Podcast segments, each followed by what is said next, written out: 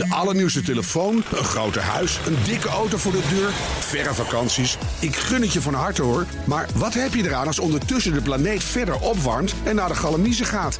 Wil je echt weten hoe het zit en wat we eraan kunnen doen? Luister dan naar BNR Duurzaam. Elke maandag tussen 3 en half 4 op de radio en altijd online als podcast. Want die volhoudbare wereld, die maken we samen. BNR Duurzaam wordt mede mogelijk gemaakt door Milieuservice Nederland. De ondernemende afvalpartner voor zakelijk Nederland. Tech Update. Connor Klerks is binnen. Hey Connor. Goedemiddag. We beginnen in Europa met nieuwe aansprakelijkheidsregels voor onder andere drones en zelfrijdende auto's. Ja, de Europese Commissie wil de aansprakelijkheidsregels in de EU een update geven. En dat werd ook tijd. Die zijn namelijk 40 jaar oud. Ah, en, uh, wereld met, is een beetje ja, veranderd. Ja. inderdaad, ja. En daar eh, willen ze nu eh, mee aan de slag. Zodat ook nieuwe producten, zoals robo- robots, drones, eh, maar ook smart huissystemen bijvoorbeeld, zijn gedekt eh, bij bijvoorbeeld mankerende software-updates of haperende digitale diensten. En dan gaat het dus om compensatie voor consumenten Ja. eventueel, dat je een claim kan indienen. Ook moeten er eenvoudigere regels komen over de aansprakelijkheid bij schade of letsel als het gaat om het toepassen van AI. Denk aan bijvoorbeeld zelfrijdende auto's. Zover zijn we nog niet, maar als jij geschept wordt door een zelfrijdende auto, Ja. ja, Dat is de grote is dan? discussie. eh, ja, precies. Ehm, Didier Reinders is eh, de verantwoordelijke eurocommissaris en die zegt er het volgende over. Hij zegt: We moeten enerzijds ruimte geven aan het enorme potentieel van nieuwe technologieën, maar tegelijkertijd moeten we altijd zorgen voor de veiligheid van de gebruiker. En het gebruik van drones of bezorgdiensten met eh, behulp van kunstmatige intelligentie, dat werkt volgens Reinders alleen als de consument zich veilig en beschermd voelt. Ja, er staan best, er staat best wel veel in deze plannen. Eh, het soort schade bijvoorbeeld dat je kunt claimen bij defecte of onveilige producten wordt uitgebreid. Zo moet het mogelijk worden om aansprakelijkheid te eisen voor verlies van data, maar ook bij emotionele schade. Emotionele schade? Ja, ja ik, ik, ik zit ook een beetje te graven wat dat nou precies eh, beledigd zou door een kunnen- intelligente robot of zo. ja, of dat jij eh, al jouw vakantiefoto's kwijt bent Ja. door, een, door een defect of zoiets, kan Ja. ik me voorstellen. Ook ja, bij ja. privacy schendingen, eh, aansprakelijkheid. En de commissie wil de bewijslast ook omkeren. Bedrijven die moeten gaan bewijzen dat hun producten veilig zijn en aan de regels voldoen.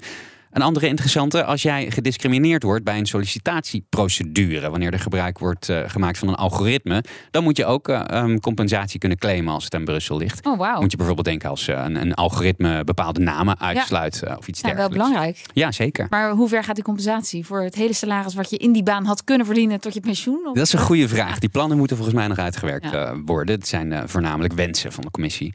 Ehm, online marktplaatsen, daar verandert ook het een en ander voor. Denk aan bol.com of Amazon of marktplaats.nl. Zij moeten aansprakelijk kunnen worden gesteld als het aan Brussel ligt voor de verkoop van onveilige producten. Oh. Als de directe verkoper onvindbaar is. En eh, tegen ANP zegt Europarlementariër Kim van Sparretak van GroenLinks dat ze met name met dat laatste eh, voorstel erg tevreden is. Zij noemt de verkoop van gevaarlijke producten online, met name uit China, een probleem dat al jaren duurt. En als consument kun je ook eh, eigenlijk onmogelijk bijna bij de verkopers terecht als jij bijvoorbeeld iets op Alibaba of een vergelijkbare site hebt gekocht En er ja. iets misgaat.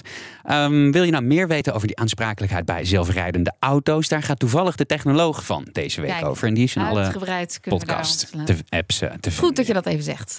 Dan gaan we het nog even hebben over Elon Musk en Twitter. Maar het heeft niets te maken met de rechtszaak. Dat Ja. is best bijzonder. Ja, het is een unicum eh, die twee onderwerpen behandelen zonder dat ik het over die man van rechtszaak eh, hoef te hebben.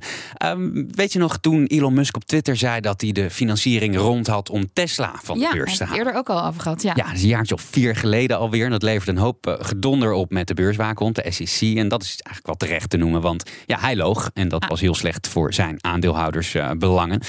Een van de berisp- berispingen die Musk toen kreeg was een Twitter-nanny.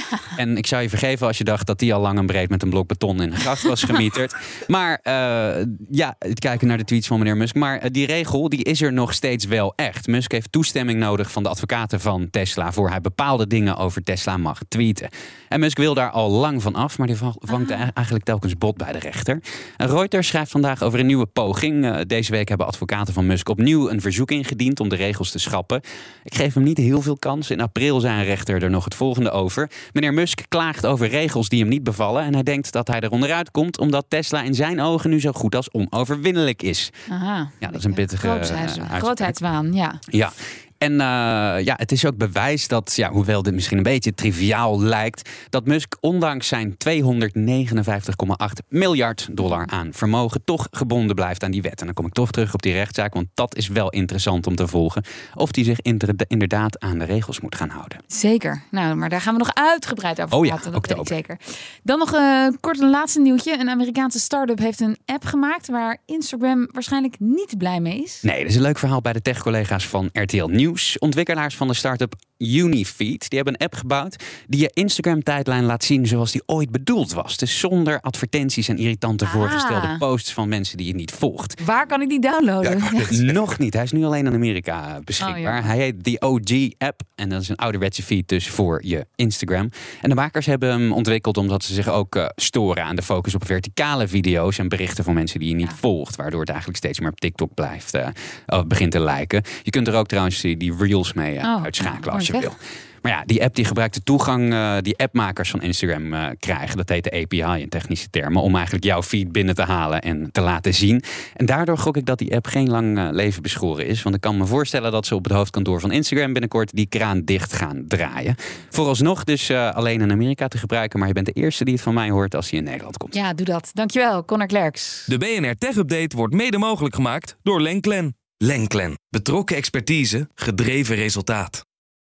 De allernieuwste telefoon, een groter huis, een dikke auto voor de deur, verre vakanties. Ik gun het je van harte hoor. Maar wat heb je eraan als ondertussen de planeet verder opwarmt en naar de galamiezen gaat?